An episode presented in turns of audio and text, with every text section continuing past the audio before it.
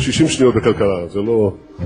זה גם כל כך פשוט, שאתה יכול לשאול איך אנשים אצלנו מדברים על הדבר הזה בלי לדעת. We believe in the importance of fundamentals in our economy. In a few minutes, I'll ring the bell so trading can begin. And, uh... השור והדוב, עם גת מגידו, מבית אול אין, הבית של הפודקאסטים. מה שלומכם, מאזינים ומאזינות יקרים שלי? אני גת מגידו, היום שותפה ומנכ"לית של בית ההשקעות פינסה קפיטל. בעברי הייתי מנהלת ההשקעות הראשית של בית ההשקעות פסגות, ואני כאן כדי לדבר איתכם על כלכלה ופיננסים בפודקאסט השור והדוב. אז היום אני מארחת את ניצן דוד פוקס, יוצר ומגיש הפודקאסט המשחק הגדול. אז ברוך הבא ניצן ותודה שבאת. נעים מאוד, בשמחה, שלום למאזינים. אגב, אני מאוד ממליצה לכם, למי שאוהב גיאופוליטיקה, או בגדול רוצה להבין מה קורה בעולם המבולבל שלנו, אה, להקשיב לפודקאסט של ניצן, הוא ממש ממש מרתק. תודה רבה. ואגב, אפרופו מרתק, ואנחנו כבר, אני רוצה לשאול אותך, איך הגעת, איך התגלגלת בכלל להתעסק בגיאופוליטיקה, אבל בדרך לכאן חשבתי על זה, שאני אשתף אותך ואת המאזינים, שאני למדתי בתיכון מגמה מאוד אה, ייחודית. אה, שהצליחה להסליל אותי לתיכון מאוד מסוים שרציתי להגיע אליו, יחסים בינלאומיים וכלכלה. Mm. ופתאום ככה, בהקשר של המפגש הזה שלנו היום, חשבתי על זה שאנחנו בעולם ההשקעות נורא חפורים במספרים ובדוחות הכספיים ולהבין את החברות, וברור שבאותה נשימה גם... Uh, ניסיון כזה לעשות זום אאוט, זה כמו להחזיק קצת את המקל בשני הקצוות, לעשות כן. זום אאוט ולהצליח uh, להבין את המערכת, את התמונה הגדולה. וסתם נזכרתי בזה, כי אני תמיד אהבתי, לצד זה שבסוף התגלגלתי להשקעות, כאילו תמיד נורא סקרן אותי. אני זוכרת באיזו התלהבות למדתי על המלחמה הקרה ועל מאזני האימה ומלחמת ברירה ובלית ברירה. יש לי את המורה הזה שלי מהתיכון, כאילו אני ממש, אני לא זוכרת אף אחד, אותו אני זוכרת. זה קטע מאוד מאוד מוזר. אה, ובסוף זה הכל משפיע על העולם, כי אנשים חושבים שיש מלחמה, כאילו לא מסתובב מאחורי, בסוף מאחורי הכל מסתובב כסף כן. וכוח, ו... אז זה, זה ככה מעניין. אז אני חושבת שיהיה לנו היום פרק אה, מרתק במיוחד, והאמת ש... לפני שנצלול לנושאים הכבדים, כן. איך הגעת בכלל להתנ... א', תספר לנו מה אתה עושה ביום יום שלך, ואיך, אה, למה דווקא זה? כן. אז נעים מאוד לכל המאזינים, ניצן דוד, ניצן, נעים מאוד לכל המאזינים, ניצן דוד פוקס, בן 32, נשוי פלוס 2, קטנות, ממש קטנות. Uh, אני עוסק היום כאנליסט גיאופוליטי. יש לי בין השאר, אני עושה ייעוץ לכל מיני גופים, uh, ויש לי שירות שבועי של ניתוחים גיאופוליטיים ועדכונים שוטפים לאנשי עסקים, מנהלי קרני השקעות, וגם פשוט אנשים מהרחוב שמתעניינים בעולם הזה, מנסים להבין את העולם המאוד מורכב שלנו. אה, וגם גם מהיבט של איך זה משפיע בסוף על השקעות, גם מבחינת ביטחון, דיפלומטיה, כן, כל, מיני, כל אחד והעניין אה, שלו, אז אתם מוזמנים גם לבדוק את הפודקאסט המשחק הגדול, גם את המועדון מנויים שלנו. איך הגעתי לגיאופוליטיקה? תמיד התעניינתי בהיסטוריה, בכלכלה, ביחסים בינלאומיים. ואיפשהו בתוך הקריאה שלי, ואני תולעת ספרים רצינית, הגעתי לספר קטן של אה, דוקטור רוברט קפלן, בשם נקמת הגיאוגרפיה. ששם קיבלתי הצצה ראשונה למהי גיאופוליטיקה. לאיזושהי תפיסה אה, שבאה ואומרת, בוא רגע ותיקח את היחסים הבינלאומיים ושים אותם על המפה ותראה את האינטראקציה בין מה המיקום של מדינה לבין האסטרטגיה שלה, הכלכלה שלה, הפוליטיקה שלה. פתאום העולם המאוד אבסטרקטי של יחסים בינלאומיים, שאנחנו מדברים על מאזני אימה ומלחמה ומלחמה קרה ומלחמה קרה שתיים ויד יד יד יד יד, אתה שם את זה במקומות קונקרטיים, אתה שם אותם על המפה, אתה מבין את הקשרים, אתה מבין מה הקשר בין ארצות הברית למפרץ הפרסי, איך... אה, נפט הופך לפטרו דולר ואיך הפטרו דולר הופך אחרי זה לצבא אמריקני שנמצא במפרץ הפרצי כדי להבטיח את הזרימה היציבה של נפט. אה, ומשם פשוט המשכתי להתגלגל, התחלתי להתעניין בנושא במהלך הצבא שלי והמשכתי ופיתחתי את זה. ואני שמח להגיד שאני רואה שבארץ יש ביקוש מאוד גדול ויש רעב של מאזינים ישראלים, כי מה שאני מאוד אוהב, אני מאוד אוהב בנו, כן, אני פטריוט ציוני, אם מותר עדיין להגיד את זה. מותר, מותר. מה שאני מאוד אוהב בנו זה שישראלים לא אוהבים חרטא. אתה לא יכול, אי אפשר לחרטא, אל, אל תספר להם כל מיני מושגים ארטילאיים וזה. מי נגד מי, למה הוא עושה את זה, מאיפה היינו ולאן אנחנו הולכים. אני גם חושבת שבהקשר הזה, כאילו חלק מהישראליות זה להיות במדינה מוקפת אה, כן. יריבויות כאלה ואחרות. אז כאילו אם תשווה אותנו ל... לא יודעת, איזה שוודי או מישהו נכון. מאיזה מדינה שמתעסקים בה בדברים אחרים ולא בביטחון כל הזמן, כן. הוא פחות חי את זה. נכון. עבורנו ההתעסקות ביחסים עם ארצות הברית, ב... זה, זה ממש יומיומי וכל ילד משמעית. גדל לתוך הדבר הזה. ברור. אז, אה, אז כן, אז אנחנו כנראה, כאילו הישראלים סופגים את זה והרבה יותר אה, בעניין רב, כן. גדול יותר על זה. אז באמת אחד הדברים שאני זוכרת שככל שככה גדלתי עם החיים, הבנתי זה שהכל קשור בכסף. בעצם האינטרסים של מדינות, אה, שלפעמים הם נראים כמו מטרות טובות, ולפעמים נראים כמו מטרות פחות טובות, כן. ובסוף מאחוריהן יש כסף. מה אתה חושב על זה? אני חושב שלא בהכרח שמה שמניע מדינה זה כסף, אבל אני בהחלט חושב שמדינה חייבת להתחשב בכסף. כלומר, כסף הוא החמצן. שמאפשר לממשלה לדאוג לשירותי בריאות ומאפשר לה לשלם לצבא שלה ומאפשר לה לקנות uh, ידידים.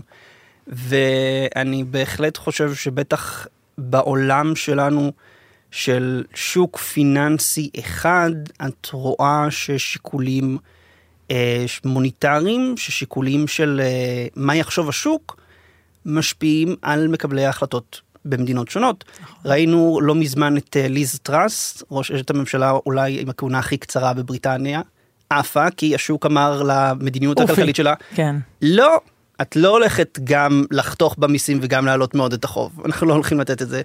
והיא יצאה. אה, אז אני בהחלט חושב שהכסף הוא שיקול משמעותי למדינה. ומה שאת הרבה פעמים רואה וזה מרתק זה שאת יכולה לקשר בין זירות שונות אה, ביטחוניות או פוליטיות או גיאופוליטיות דרך הנושא הזה של הכסף. כלומר, לחפש את הזרימה שלו, לחפש את המקורות השקעות, שלו. מאיפה השקעות הולכות לאיפה השקעות הולכות, מאיפה סחר הולך, כאילו מי מממן את מי, את, את רואה את זה בהלוואות, את רואה את זה עם הפעילות של סין באפריקה. כלומר, את פתאום מבינה שאיזושהי הודעה גנרית על אה, השקעה סינית ברכבת באדיס אבבה באתיופיה, מייצגת איזושהי תנועה יותר גדולה של הון, שאותה תנועה של הון מייצגת אינטרסים, מפה מסוימת של אינטרסים, לדוגמה של בייג'ין. כן. מעניין. אז אה, תראה, אני חושבת ששני פרקים אחורה, עשינו, עשיתי פרק עם גיא בית אור, כלכלן של פסגות, ודיברנו על תקרת החוב. כן. ונראה לי שזה, שזה איזשהו המשך מתבקש, לנסות לדבר על המעמד של הדולר בעולם. כי דיברנו באותו פרק על, על תקרת החוב, גם קצת על הגיחוך סביב התקרה הזו, אבל גם באמת על, ה, על, ה, על, על המצב, על ההר החובות שיש של ארה"ב, וזה מאוד מעלה את שאלה של מעמדו של הדולר, זה קשור גם לעוד דברים. ואתה יודע, מצד אחד אתם מסתכל, מסתכלים מהצד, אז יש את ארצות הברית, המעצמה, יושבת על הר ענק של חובות שאף אחד לא באמת יודע איך היא הולכת להחזיר אותם, mm-hmm.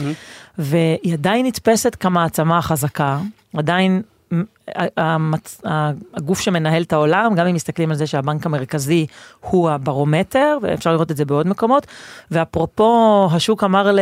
לליס טראס בבריטניה, דרך תגובה של, של נכסים פיננסיים, אז גם להסתכל על הדולר ולראות שממשיכה להתנהל הפליי הזה של fly to safety, אני שנייה רגע אגיד את זה בלא שפת הסוחרים, הדבר הזה שכשיש איזושהי אי ודאות אה, כלכלית, גלובלית או אזורית, מה שרואים שקורה זה שיש בר, אה, נהירה של כסף לחיפוש אחר נכסים לא מסוכנים והדולר ביניהם, כי רואים את שער הדולר עולה. זאת אומרת הוא עדיין נתפס כמטבע שבורחים אליו ברגעי, אה, ברגעי מצוקה. ראינו את זה בקוביד וראינו את זה בישראל עכשיו, ויש באמת הרבה מאוד דוגמאות לדבר הזה. ו... ואני כאילו שואלת את עצמי, זאת אומרת, גם בעבר דיברו נניח על היורו, אולי כחלופה, היה איזה רגע של אה, מאבק ביניהם, ולגוש היורו יש מיליון בעיות, ובאותה נשימה גם לא ידעו אם הוא יחזיק, אבל עכשיו בינתיים זה נראה שהוא, אה, שהוא שורד. אבל לדבר הזה יש סדקים. והסדקים הזה מגיעים באמת מה, מהמקום של סין ורוסיה, ממה שנקרא הבריקס, שזה ברזיל, רוסיה, אה, אה, סין והודו. אה, אז בואו נדבר על זה, כאילו הן מתחילות אה, פתאום אה, לרצות לסחור ביניהן במטבעות כן. אחרים, אבל אולי צריך לפני שצוללים לזה קצת לדבר על, על כל הסיפור הזה של, הרי אוקיי אמרנו שארצות הברית היא המעצמה הגדולה ושהדולר הוא המטבע המוסכם, אז מה זה המטבע המוסכם? בוא רגע אולי נגיד מה שלנו זה המובן מאליו, שאם הוא המטבע המוסכם אז זה אומר שהסחר הבינלאומי הוא בו. כן. מה זה אומר? כן. אה, אז הדולר הוא גם מטבע הרזרבה העולמי, אה, מעל 50% מעתודות המטח של מדינות מוחזקות בדולרים, והדולר הוא גם מטבע הסחר העולמי. רוב הסחורות הן בדולרים, גם אם אין שום צד אמריקני בסחר הזה. לדוגמה, יצרנים יפנים שמייצרים לדרום אה, מזרח אסיה יעדיפו בעיקר להשתמש בדולר. לא, לא משנה אם הם עובדים בווייטנאם, מייצרים בפיליפין, דולר. הסיבה לכך היא מפני שהדולר האמריקני נותן אה, לסוחרים קודם כל את הביטחון, זה נחשב כנכס יציב. הוא נזיל מאוד, השווקי אה, אג"ח האמריקנים, השווקים של מניות האמריקנים הם עצומים, אני יכול למכור מיליונים וזה כמעט ולא ישנה את המחיר של הנכס שלי, מאוד מאוד נזיל, וגם מאוד מאוד נגיש. אני יכול בתוך מספר ימים לפתוח חשבון בברוקר אה, בארצות הברית ולהתחיל אה, לשחק במניות, אני יכול להשקיע במניות אמריקניות. כלומר אין, אין לי איזשהו עיכוב בלהיכנס, בלגשת לנכסים בדולרים. אז הגישה הזאת, הביטחון הזה והנזילות הביאו לכך שהעולם מעדיף להשתמש בעיקר בדולר כי זה נוח. וגם כי יש אה, יציבות סביב המטבע. יש יציבות סביב המטבע, כי בסופו של דבר, אה, בואי נשים רגע בצד את הנושא הזה של יש חוב מאוד גבוה, רוב הכלכלות המפותחות וגם חלק מהכלכלות המתפתחות סובלות מרמות חוב מאוד גבוהות, כולל סין אגב. כן. נכון שהחוב הממשלתי שלה הוא יחסית נמוך סביב ה-50 אחוזים, אבל בסך הכל החוב שלה, החוב שלה מסקטור הלא פיננסי מתקרב ל-300 אחוזים. ובגלל המבנה הפוליטי הייחודי של סין גם, את לא בדיוק בטוחה מה מהחוב הזה הוא ממשלתי, מה מהחוב הזה הוא לא ממשלתי. כן. סוגיה שאפשר לגעת בה אחר כך. אז יש לנו הרבה מאוד מדינות שיש להן רמות חוב מאוד מאוד גבוהות, ויש לנו את הברית שהיא, וזה לא מעורער, כלומר אין ערעור על זה, היא המעצמה הצבאית החזקה ביותר בעולם. היא מבטיחה את הזרימה היציבה של נפט מהמפרץ הפרסי. לה יש בריתות עם כמעט כל מדינה מפותחת, אם זה נאט"ו, אם זה יפן, אם זה דרום קוריאה. אז הכוח הזה, אגב, ועוד עוד נקודה שכדאי לקחת בשביל ארה"ב, יש לה גם מערכת משפט שהיא שקופה וברורה לחלוטין. כלומר, כאשר אני קונה נכסים אמריקניים, כאשר אני קונה חברות אמריקניות, אני יודע לאיזה מערכת משפטית אני נכנס. אני יודע שאם יהיו לי בעיות של תשלום, יהיו פשיטת רגל, אני יודע שהמערכת המשפטית תטפל בזה באופן שקוף. שזו נקודה סופר סופר חשובה. נכון, וכאשר פתאום הם באים ואומרים לאנשים בואו תשקיעו בסין, רגע, נכון. אוקיי? למי, למי שלא מכיר, המפלגה הקומוניסטית של סין בגדול שולטת בכל היבט של המדינה, בין השאר בתי המשפט. ובעצם אה, עצם הדבר הזה של היא יכולה להלאים, היא יכולה לשנות חוקים, לשנות אחורה, זאת אומרת, יכולה לעשות מה שעולה על רוחה. בארצות הברית זה לא ככה, בארצות הברית בעצם אתה יודע מה אתה מקבל. כן, אחד היתרונות של ארה"ב, שאנחנו לא חושבים על זה כאשר אנחנו, כאשר משווים בין דמוקרטיות ואוטוקרטיות, אז אחד היתרונות לכאורה של אוטוקרטיות זה שהממשלה מאוד מהירה להגיב. כן, סין יכולה במהירות להוציא רגולציות, להגיע להחלטות, לשנות את השוק בתוך ימים. לעומת זאת דמוקרטיות יש תהליך מסודר, עובר דרך הקונגרס, צריך להיות מאושר דרך הנשיא, ידה ידה ידה. זה יתרון למשקיעים. כי אם לממשלה לוקח זמן לבצע מדיניות, זה אומר שיש לי זמן קודם כל להבין מה המדיניות, דבר שני, לחשוב האם אני מתנגד, להפעיל לחץ דרך ערוצים שונים, ואז בסוף להתמודד עם הבעיה. לעומת זאת בסין, אני יכול פתאום לגלות שהופ, קמת המ- בבוקר, קמת בבוקר בום, והממשל החליט שהוא מתחיל קמפיין רגולציה נגד ענקי הטכנולוגיה, ופתאום ההחזקות שלך בעליבאבא נחתכו ב-30%. למה? כי בייג'ינג החליטה, ואף אחד לא הייתה איזושהי הודעה מוקדמת או זה, יום אחד בוקר טוב, הנה כן. קמפיין רגולציה. כן, לא מושך במיוחד. אז, ולכן אני חושב גם כאשר אנחנו מדברים על מעמדו של הדולר, אז אחת הנקודות החשובות להבין, זה שאנחנו לא ממש רואים אלטרנטיבה.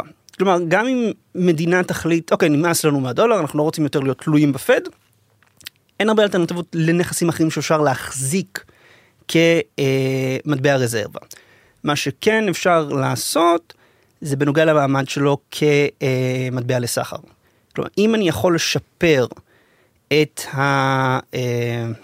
נקרא לזה את השימוש במטבעות אחרים, אז אני יכול להקטין את החשיפה של הסחר שלי, של הסחורות שלי, לדולר. זאת אומרת, בעצם, אה, סתם, ניקח את הודו, אוקיי? כן. הודו מדינה שהיא יצואנית נכון. גדולה, אבל, ו, והיא עושה את זה בדולר, נכון. למרות שזה לא שרוב הייצוא חד משמעית. אה, הוא לארצות הברית. ממה שאני זוכר, ממה שאני זוכר נתון ל-2016, כן, שזה לפני הרבה זמן, אבל זה לא השתנה יותר מדי, אנחנו מדברים על משהו כמו 70-80 אחוזים מהייצוא ההודי נקוב בדולרים. כן. כיוון שסך כל הייצוא לארה"ב משהו כמו 20-30 אחוזים. אז זו דוגמה נהדרת. עכשיו, רק כדי ש, ש, שזה יהיה ברור אה, למי שמאזין לנו, בעצם כשמדינה סוחרת בדולר, אה, היא מכניסה עוד משתנה נכון. לתוך המערכת הכלכלית. זאת אומרת, פתאום היא מושפעת מהאינפלציה ומשער הריבית וממה שקורה לדולר ולאינדיקטורים הכלכליים בארצות הברית שמשפיעים בסוף על הריבית שמשפיעה. שני, שני סוחרים בהודו ובאינדונזיה שסוחרים במוצרים רק מהודו, מקפה מהודו ובדים מאינדונזיה. בגלל השימוש בדולר צריכים לעקוב באדיקות אחרי מה שאומר הפד האמריקני. למרות שאין שום אמריקני בתהליך שלהם, אין שום אמריקני בתקשורת שלהם, אין שום יצרה כלום, נדה זה, אבל הם חייבים לעקוב כי הדולר הוא המטבע שמשמש אותם. ומה שראינו, מה שאנחנו רואים, אני חושב, בשנה האחרונה, בגלל האינפלציה בארצות הברית, בגלל העלייה של הריבית, בגלל השיבושים האלו בשערי החליפין שמשפיעים על סוחרים, אנחנו רואים יותר ויותר מדינות מתפתחות שבאות ואומרות, בואו נחפש אלטרנטיבות לדולר, פשוט מפני שזה פוגע בנו, כלכלית. לא תחרות סין ארה"ב, לא תחרות גיאופוליטית, זה לא מעניין. הודו לא מחפשת להחליף את ארה"ב, בטח שהיא לא מחפשת לתמוך בסין נגד ארה"ב. ההודים והסינים יריבים ותיקים. אבל מה איך שעוד... בסוף תמיד, כאילו, הם יריבים גם בשכנים. כן. לא, זה, זה ידוע, גבול, כן, כן. גבול, גבול יכול להיות או מחבר או מפריד. כן. כאילו ככה עובדים אה, גבולות. אז הודו לא מעוניינת לתמוך בעלייה של סין, אבל הודו בהחלט מעוניינת לצמצם את ההשפעה של הדולר האמריקני, שפשוט מפני שהוא המטבע הכי שימושי, אז היא מושפעת מההחלטות של הפד. איך, אה, איך אבל, אבל איך עושים את זה? זאת אומרת, זה, מה זה אומר? שאנחנו הולכים לסחר של, אה, הרי זה לא שיהיה, זאת אומרת, תאורטית יכול להיות מטבע מוסכם אחר, אבל אני מנסה כן. לחשוב על זה, אפרופו כל מה שאמרת על סין, הרי זה לא שהיואן כל כך מתאים להיות אחר. אגב, פוטין אה, התבטא שהוא אה, כן. אה, טוב. באיזשהו רגע תומך ב- אין ביואן. כמטבע אין, רזרבי. אין, אין לו ברירה אחרת, זה ההכרזה של אה, רוסיה שהיא מתכוונת להשתמש, ב- שהיא רוצה להשתמש יותר ביואן בסחר בינלאומי, זו אמירה שהיא מצחיקה כי חוץ מהיואן אין להם, אין להם עוד מטבע. כן, הרי תחשבו על זה, ב-2014 רוסיה פלשה לראשונה לאוקראינה, סנקציות אמריקניות, רוסיה התחילה לצמצם את ההחזקות שלה בדולר והגדילה את ההחזקות שלה ביואן ובאירו. אממה, 2022 מקבלת סנקציות גם מהאיחוד האירופי. אז נשאר לה או זהב או יואן. זהב פחות שימושי כמטבע עובר לסוחר, אז יש לה רק את היואן. כלומר, ההכרזה הזאת של, הסי, של הרוסים, אנחנו רוצים להשתמש במטבע הסיני, לא מאהבת... אין, אה, אין לכם ברירה אחרת, כן. גם אם לא תרצו. אבל בעצם היואן לא יכול להיות מטבע, זאת אומרת זה לא כל כך עושה שכל שהוא יהפוך להיות מטבע רזרבה או מטבע, אפילו לא יודעת אם מטבע סחר למדינות uh, שהן לא ארצות הברית, גם אם זה הבריקס, כי. כמו שאמרת זו דיקטטורה, בסוף המטבע שם מוחזק. זה נושאים נורא נורא כבדים לדבר עליהם כן. כזה מהר, אבל סין היא יצואנית. כיצואנית כדאי לה שהמטבע שלה יהיה חלש. נכון. כי אם המטבע יהיה חזק, בפועל זה בעצם כאילו היא יקרה יותר ביחס נכון. לכלכלה אחרת בעולם. שזה אגב משהו שפוגע בסקטור הייצור האמריקני. תחשבו, תחשבו שאתם יצרן אמריקני ואז פתאום בזמן הקורונה כשיש משבר עולמי ופתאום הסחורות של כל המתחרים שלכם הן לפחות זולות יותר כי המטבעות שלהם מתעסקים, המטבע שלכם מתייקר בזמן משבר עולמי. איום ונורא. ואחר תגידו את זה לסין שמה שאנחנו רואים לא מצליחה להתניע את הצמיחה, את הביקוש הפרטי אצלה והיא תלויה בעיקר במאזן סחר גדל, כלומר היא תלויה בלהגדיל את הייצור שלה כדי להבטיח צמיחה חיובית של התמ"ג. נכון, אז בוא נפתח רגע סוגריים. סין, יש לה המון תוכניות, עוד מעט נדבר, אני חושבת כן. שנצליח עוד מעט לדבר עליהן, אבל בין היתר היא מנסה להפוך בעצם לכלכלת שירותים. היא מנסה לעודד צריכה, היא מנסה להפוך את הסיני להיות יותר אמריקאי. כן. נגיד את זה במילים פשוטות. כן. והיא לא כל כך מצליחה, אפשר לדבר על כל מדיניות הילד היחיד, נכון. והניסיון שלהם להניע אנשים, אה, לעשות עוד ילדים, נכון. שלא כל כך צולח. אגב, גם זה מאוד מעניין, כי אחת הסיבות זה שהחינוך בסין מאוד, הפרטי מאוד יקר. נכון. כאילו כדי להביא ילד להיות בסטנדרט של מה שצריך כדי שהוא יצליח בחיים, זה המון כסף. אז כן. הם עושים את החישוב הזה והם לא עושים עוד ילד. גם, גם אנחנו צריכים להבין, וזה משהו שאנחנו רואים בהמון מדינות, היכולת של מדינה להעלות את שיעור הפריון ברגע שהוא יתרסק למתחת לשני ילדים, מאוד מאוד מוגבל, בין השאר כי יש פה אלמנט חברתי ותרבותי מאוד מאוד חזק. אנחנו רגילים, ואני לעשות מניח, ילדים. לא, לא רק לעשות ילדים, עזבי רק את זה שאנחנו רגילים לעשות ילדים, אנחנו רגילים לזה שיש לנו מערכות תמיכה. אנחנו רגילים לזה שההורים עוזרים לנו. אנחנו רגילים לזה שיש גנים ויש צהרונים ויש כאילו תמיכה של הממשלה. אנחנו רגילים לזה שלחברים שלנו יש גם ילדים, אז לפעמים עושים שמרטפות משותפת או שולחים אותם ביחד, וואטאבר. כלומר, אנחנו רגילים לככה כחברה שיש מספר, שיש שלושה או ארבעה ילדים. אנחנו רגילים לכל התמיכה הזאת, אנחנו, אנחנו כאנשים באופן נורמטיבי מניחים שכאשר אנחנו מתחתנים נביא שלושה ילדים, כן זה בערך שניים שלושה ילדים זה בערך הממוצע אולי ארבעה. ובסין אין את זה וגם במקומות אחרים נגיד ביפן אה, יש כפר אחד שהצליח לשמור על פריון של שלושה ילדים לאישה משהו כזה. הממשלה באה ללמוד ומה שהממשלה בלימודים שלה גילתה שזה נושא חברתי ותרבותי כלומר. once הסביבה שלך היא של ילד אחד אתה לא. הולך לשכנע אתה לא הולך לשכנע עכשיו אנשים לא בוא תהיה הזה שמביא שלושה. גם אתה יודע ההורים שלך עכשיו זקנים הם גם לא הם לא רוצים לעשות את התמיכה הזאת הם לא רוצים לעשות את הבייביסיטר. אז זה בעיה אחת. עכשיו יש לסין עוד כל מיני בעיות מבניות אולי נפתח את זה אחר כך בכל מקרה נחזור לנקודה אה, שלנו. כן, אה, הגענו לזה כי אמר, דיברנו על זה שהם מנסים לעודד את, ה, את הצריכה צריכה. ולא מצליחים, הם- ואחד הפתרונות זה באמת להגדיל את. הייצוא. נכון. לגבור, להגדיר, להגדיל את הייצוא. בעיה אחרת שהיא גם חשובה, בשביל, כמו שאמרנו, בשביל להיות מטבע רזרבה, אתה צריך שהמטבע שלך יהיה נגיש. אתה צריך שהשווקים הפיננסיים שלך יהיו פתוחים לעולם. הבעיה אבל, כאשר אתה פותח את השווקים שלך, שאתה יכול לקלוט הון ספקולטיבי. אתה יכול לקבל כסף חם שמחפש אה, לעשות, תשואות מהירות, ואז הוא מביא, יוצר בועות ומרסק אותם. לדוגמה, טורקיה, טורקיה זה אחת הבעיות שלה, המון כלכלות באמריקה הלטינית אה, סובלות מתקופות של צמיחה ואז התרסקות בגלל כסף ספקולטיבי. סין רואה את זה, הממשל הסיני רואה את זה והוא לא מוכן לאפשר את זה. הוא מבצע איזושהי פתיחה מאוד מאוד הדרגתית לגופים מוסדיים גדולים, אבל הוא עדיין שומר על השליטה ועל היכולת שלו לווסת את הכסף שנכנס. ולא סביר, אני לא חושב שאנחנו נראה בעשר השנים הקרובות את הממשל הסיני מוותר על השליטה הזאת אה, בשווקים הפיננסיים שלו, מפני שהוא לא יהיה מוכן לקחת את הסיכון של משבר כלכלי עקב, עקב הון ספקולטיבי.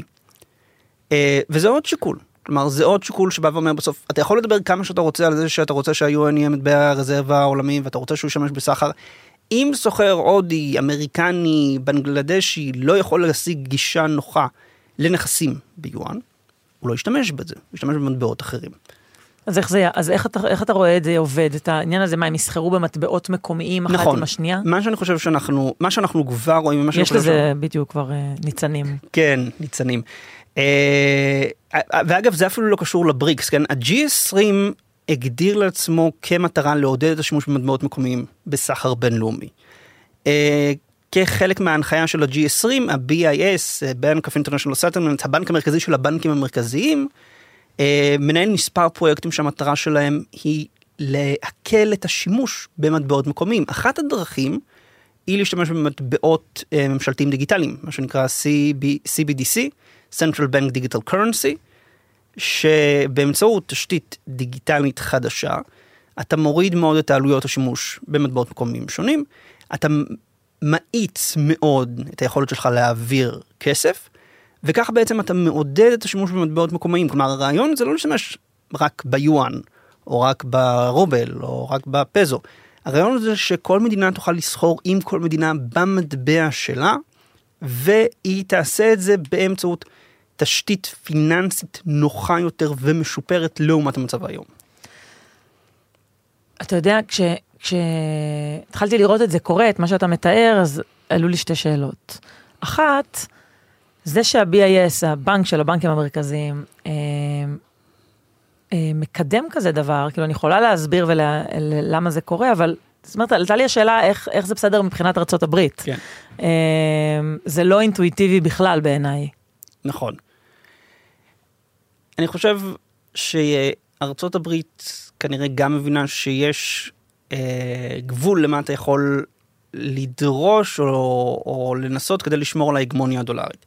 ואגב, ארה"ב גם יכולה להאשים חלקית את עצמה בפגיעה בהגמוניה, כן, השימוש הרחב של האמריקנים בסנקציות כלכליות גרם לחלק מהמדינות להבין ששימוש בדולר הוא סיכון גיאופוליטי. אה, אם זה סין שמבינה שארה"ב באמצעות הדולר גם יכולה להכתיב להם מי לסחור וגם יכולה להכתיב למדינות אחרות לסחור עם סין. אז היא מעוניינת לקדם את זה. כן, אבל לא ציפיתי מה-BIS לעשות את זה. שוב, כי יש... בסוף כל הארגונים האלה כאילו הם תמיד מרגישים כמו איזה... נכון. שלוחה אמריקאית. שלוחה אמריקנית. אז יש עוד כמה גורמים חזקים ובסופו של יום, וכמו שאמרתי, זה מתוך יוזמה של ה-G20. כי ההבנה היא שבגלל התלות הכל כך גדולה בדולר האמריקני, אז יש לך, תחשבי, יש לך בעצם שתי בעיות. בעיה אחת היא שהמדיניות המוניטרית האמריקנית משפיעה על כל הכלכלה העולמית. Mm-hmm. אוקיי, ואז בעצם יש לך פגיעה גם במדינות מפותחות, גם במדינות מתפתחות. מצד שני, וזאת הבעיה השנייה לארצות הברית, המדיניות המוניטרית שלה משפיעה על כל העולם. כלומר, כאשר אתה מטבע רזרבה, המטבע שלך הוא לא 100% שלך. אז יש פה גם, אני חושב, אינטרס אמריקני לצמצם ולהחליש לפחות את ההשפעה של הדולר על שווקים בינלאומיים, כדי שכאשר בפעם הבאה ארה"ב תתמודד עם אינפלציה גבוהה, היא תוכל להעלות את הריבית מבלי לחשוש שפתאום... איך היא משפיעה על... תראי, ב-2000, אני חושב, זה היה... אה, אני חושב ב-2013, יכול להיות ב-2013, אל תתפסו אותי בשנה בדיוק, כאשר ה-Federal Reserve התחיל לעשות... אה, התחיל לעשות quantitative tightening, mm-hmm, התחיל, התחיל כן. להדק, והייתה ביקורת עליו מצד הבנק המרכזי של הודו, שאתה פוגע בעצם בגישה לנזילות, ואתה אה, פוגע בעצם, ב, נקרא לזה, בפלואו של הדולר בעולם. אז אני בהחלט חושב שהאמריקנים מבינים, והם גם, והם פשוט נאלצים גם להשלים עם לחץ מצד מדינות אחרות שבאות ואומרות, תקשיבו, אנחנו רוצות להקטין את הנזקים ואת התלות. אתם רוצים לקבל עצמאות גדולה יותר, אנחנו לא יכולים להמשיך ולהתנהל בצורה שבה הדולר עושה את הכל. אה, ואגב, זה גם לא הפעם הראשונה שמדברים על זה, גם בסוף שנות ה-70 בגלל האינפלציה המאוד גבוהה שהייתה בארצות הברית. מדינות כולל אגב ארצות הברית שקלו איך אפשר לצמצם את החשיפה של הדולר. כי גם ארצות הברית הבינה שבפני שאתה במטבע רזרבה אתה מוגבל אה, מבחינה מוניטרית וגם בסופו של דבר זה משפיע על הכלכלה האמיתית כי כמו שאמרנו המטבע שלך הרבה יותר חזק מאשר הייצוא שלך. זה פוגע בתחרותיות של יצרנים אמריקנים. הדבר השני, שאם כבר הזכרת CBDC, זה בעניין של פרטיות. כן. לא יודעת אם יש לך דעה מגובשת על הדבר הזה, אבל אני חייבת להודות שזה אצלי מעורר המון המון אה, סימני שאלה ודאגות כבסוף האזרחית הקטנה. כן. אה, כי יכול להיות שזו פלטפורמה מאוד מאוד נוחה לסחר בין מדינות, אבל בסוף... אה, יש המון המון תהליכים שקורים, רואים אותם גם בישראל אגב, מחוק המזומן וחוק של כן. העסקים הקטנים, כל מיני כאלה של העברות. עכשיו יש לנו מה, צריך אישור מראש לעסקה מעל 25 אלף. כן, והם רצו שזה יהיה פחות, הם רצו שזה יהיה 5,000. הם אגב, בסוף זה יהיה עד 5,000, כן. כלומר זה חלק מהחוק. שיטת הסלאמי. כן, הכניסו לנו את זה מאחורה. וזה דברים שאתה מסתכל עליהם, ואתה יודע, כאילו איכשהו יש המון דברים אחרים שמתעסקים איתם, אז זה כל הזמן בצד. כן. אמ, אבל כשאני חושבת עליהם מנקודת מבט כלכלית, אני, אני מודאגת. כן. זה נראה כאילו האנשים, זאת אומרת, עוד פעם, אולי טוב למדינות, אבל בסוף אה, המדינות אמורות לשרת את האנשים, לא נכון. לא האנשים את המדינות, ואם בסוף הכל ילך ל... יש התפתחות טכנולוגית, וזה איפשהו בשיטת הסלאמי, אנחנו כולנו נורא נורא מסתגלים לתהליכים. כן. כל פעם פורסים עוד פרוסה, וזה מתכתב עם המהלך הטכנולוגי, זה סך הכל הגיוני לשלם עם הטלפון ב-. ב- במסעדה, זה בסדר, כן. ובדלק וכולי וכולי. אבל אם אתה חושב על זה, בסופו של דבר זה עלול לקחת מאיתנו לחלוטין פרט, את הפרטיות שלנו. יכול להיות שיהיה אפשר דרך זה גם לשים מגבלות כאלה ואחרות על מה אנחנו עושים עם הכסף, עם הכסף שלנו. כן. כאילו אין לזה סוף למה אפשר לחשוב שאולי זה יכול להביא. נכון. אה, תראה, אני, אני אשים רגע את הכובע של אזרח פרטי, כן, כי מבחינת אנליסט גיאופוליטי אין לי איזושהי דעה, זה לא פחות קשור אה, לתחום. אם כאזרח פרטי, בהחלט מטרידה אותי האפשרות שכאשר המדינה תנפיק מטבע דיגיטלי שייכנס לחשבון הבנק, היא תוכל גם להכתיב את השימוש בו. ואגב, אה, יש כבר דיונים על איך אפשר להשתמש במטבע דיגיטלי בשביל לקדם מדיניות חברתית רצויה. שזה תמיד נשמע נהדר בהתחלה, כן, לדוגמה, אה, אנשים שמקבלים ביטוח לאומי לא יוכלו להשתמש בכסף לביטוח לאומי כדי לקנות משקאות חריפים. ואתה אומר, אוקיי, בסדר, אבל למה המדינה מחליטה להיכנס לכיס שלהם. של הבן אדם? נכון. ואיפה נמצא הגבול? כלומר, ברור שפוליטיקאים והפקידים וכל מי שמעורב בתהליך הזה עושים את הכל מתוך כוונות טובות. הם רוצים להיאבק אה, בהון שחור, הם רוצים למנוע פשיעה, הם רוצים למנוע מימון טרור, הם רוצים למנוע הלבנת הון, הכל בסדר, הכל נהדר, הכל מצוין. אבל אני כאזרח פרטי מאוד מוטרד ממה שאני רואה כחדירה של הממשלה למה שאמור להיות בסופו של דבר האינטראקציה הפרטית האנונימית שלי עם אנשים אחרים. כלומר, חלק מהיתרון בשוק חופשי זה שהאינטראקציה היא חופשית לחלוטין. אז אני יכול לשלם לך במזומן אם זה נוח לי, ואני יכול לשלם לך באשראי, ואני אמור להיות בסופו של דבר מסוגל להשתמש בכסף שאני מרוויח בשביל לעשות מה שאני רוצה, כל עוד זה לא פעילות לא חוקית. נכון. ומה שאנחנו רואים, וזה, וזה קשור, אני חושב, זה חלק ממגמה גדולה יותר, שאנחנו לא התקופה הראשונה שמתמודדת איתה, והתמודדו איתה כבר תקופות uh, עבר. Uh, בדרך כלל כאשר חברה הופכת מושחתת יותר, מספר החוקים גדל. אבל מספר, הגידול במספר החוקים זה לא הפתרון. כי לא משנה, כן, בסוף, מי, תסלחו לי על המילה, מי נדפק? מי נדפק? אזרח שומר חוק. כי אזרח שומר חוק אין לו את הזמן, אין לו את האינטרס ואין לו את הכלים לעקוף את ההגבלות הממשלתיות. כן, בסופו של דבר מאפיונרים ומאנשי מאפיה ימצאו את הדרכים לשמור את הכסף בכל מיני מזרנים ומחסנים ו whatever. אבל אני, פתאום החשבון עובר ושב שלי, ואני אני לא יודע אם קרה לכם, זה לא נעים שפתאום מתקשרים אליך מהבנק ושואלים אותך, היי, ראינו שנכנסו לך 3,000 שקל בשלושה ימים האחרונים, כלומר פתאום אנחנו רואים תנועה חריגה בחשבון. עכשיו, הכל חוקי, אבל מה זה עניינכם? חשבון פרטי שלי, משלם על זה מיסים, אל תעסקו לי בחשבון. אמרת משהו ממש חכם עכשיו, שהביא לי דוגמה הכי הכי פשוטה, שתעביר את ה... את- אמרת כן. ממש בול. תחשבו שיש גן ילדים, ויש 30 ילדים בגן, ו-29 מהם בובות, ויש אחד שמפריע לגננת. וכל פעם שהם יוצאים לחצר, הוא מרביץ לילדים אחרים או זורק חול. אז הפתרון זה שמחזיקים אותם כל הזמן, כל היום בחדר, כדי כן. לא להתמודד עם הבעיה. בול, נכון? כשאנשים הסתכלו על זה בצורה הפשוטה הזו, כי לפעמים דברים נראים מורכבים מדי כדי כן. לעצור ובאמת לחשוב, ואנחנו נו- נוטים, אתה אמרת שעושים, שבסוף המדין, הניהול מלמעלה הוא, הוא למטרה של לשרת את האזרחים. כן. אבל כשאתה רואה כאלה תהליכים, אני מודה שזה, אני אזרחית מוטרדת. אין, אין ספק, שוב אני אומר, אני אומר, בחברה, בחברה מושלת בדרך כלל מגדילים את החוקים למרות שזה לא תופס את הדגים, כשמה שצריכים באמת לעשות זה להחמיר את הענישה. נכון. אם אתה חושב שהעלמות מס זה בעיה קשה, תחמיר את הענישה, תעשה אכיפה יותר חזקה, תדאג שכל מי שמעלים מס, יפשטו את עורו. באמת, כלומר, ברמה הזאת.